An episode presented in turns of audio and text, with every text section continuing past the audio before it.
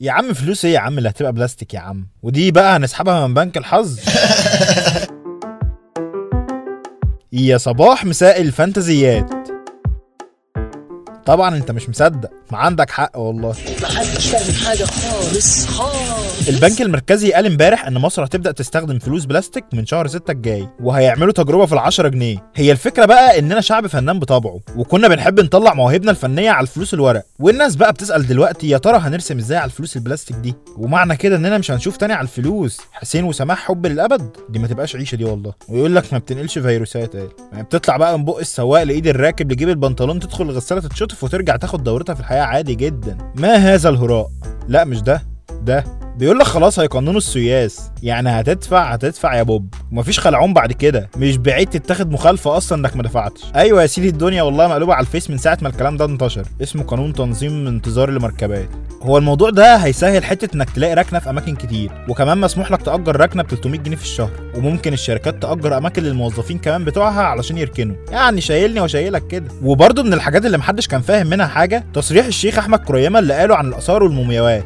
صدمني وصدم دكتور زاهي حواس والدنيا كلها. قال إيه؟ عرض المومياوات في المتاحف حرام وكمان الدولارات اللي بتيجي من وراها حرام على أساس اننا مشغلينهم في جامعة الدول يعني. طب إيه يا شيخ نقفل المعابد والمتاحف بقى ونقعد نشحت ولا إيه؟ المهم إن الدكتور زاهي قال لك بقى الكلام ده ما يتسكتش عليه ابدا. وطلع قال له يا عم الحاج كلامك ده للحرامية اللي بيسرقوا المقابر. مش علماء الآثار اللي بينقذوا المومياوات دي أصلا من التحلل والتفتت في الآبار. لا وكمان بيخرجوها علشان يخلدوا ذكرها يا حاج أحمد. خليك يا عم قاعد في مسجدك ومالكش دعوة بالآثار بتاعتنا. ده كلام من الآخر ده. ولو أنت قاعد دلوقتي بتسمع ال voice note من تليفونك السامسونج على وصلة أو من خلال بوديو أو SoundCloud أو أي platform تاني. فأحب أقول لك إن ابن صاحب الشركة الملياردير الكوري لي جاي يونج اتحبس علشان متورط في قضية فساد كبيرة من سنة 2016 ما تفهمش بقى الكلام ده ليه علاقة بسامسونج ولا إيه. بس هو هيسيب فراغ كبير في الشركة الحقيقة. أنا كنت حاسس إن هم مش سالكين أصلا من زمان. ولو كنت بتلعب ببجي تعالى جيم.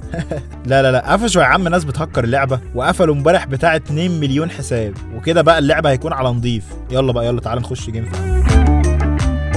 وفي الساحرة المستديرة كان في أفراح وليالي ملاح امبارح في الأوساط الزملكاوية. بعد الفوز الصعب للزمالك على الجونة 1-0 وشيكا الأباتشي كان خارب الدنيا. بس ما تكلمنيش بقى عن مصطفى محمد ولا بن شرقي والكلام ده. المهم إن إحنا لقينا بقى بعد كده بوستات متصدر لك كلمني مالية ال social media. وهي دي هي فرحة الدنيا. وفي الدوري الإنجليزي ليستر سيتي قطع تشيلسي 2-0 ونط بقى من المركز الثالث للصدارة ابن اللعيبة. واللي يشوف الأسبوع الأول ما يشوفوش دلوقتي. بس لكل مجتهد نصيب وامبارح كمان جدول كأس العالم للانديه نزل والماتش الأول للاهلي هيبقى مع الدحيل القطري واللي هيكسب بقى هيروح يشيل من البايرن في نص النهائي. يعني إن شاء الله وألف ألف مبروك.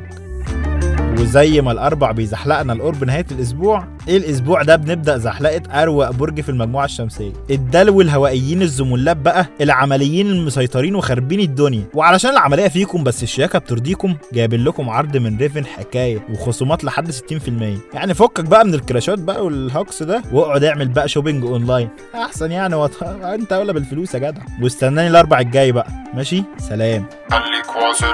الواصلين جامدين. like و share وخليك على وصلة browser واكسب عروض وهدايا أكتر.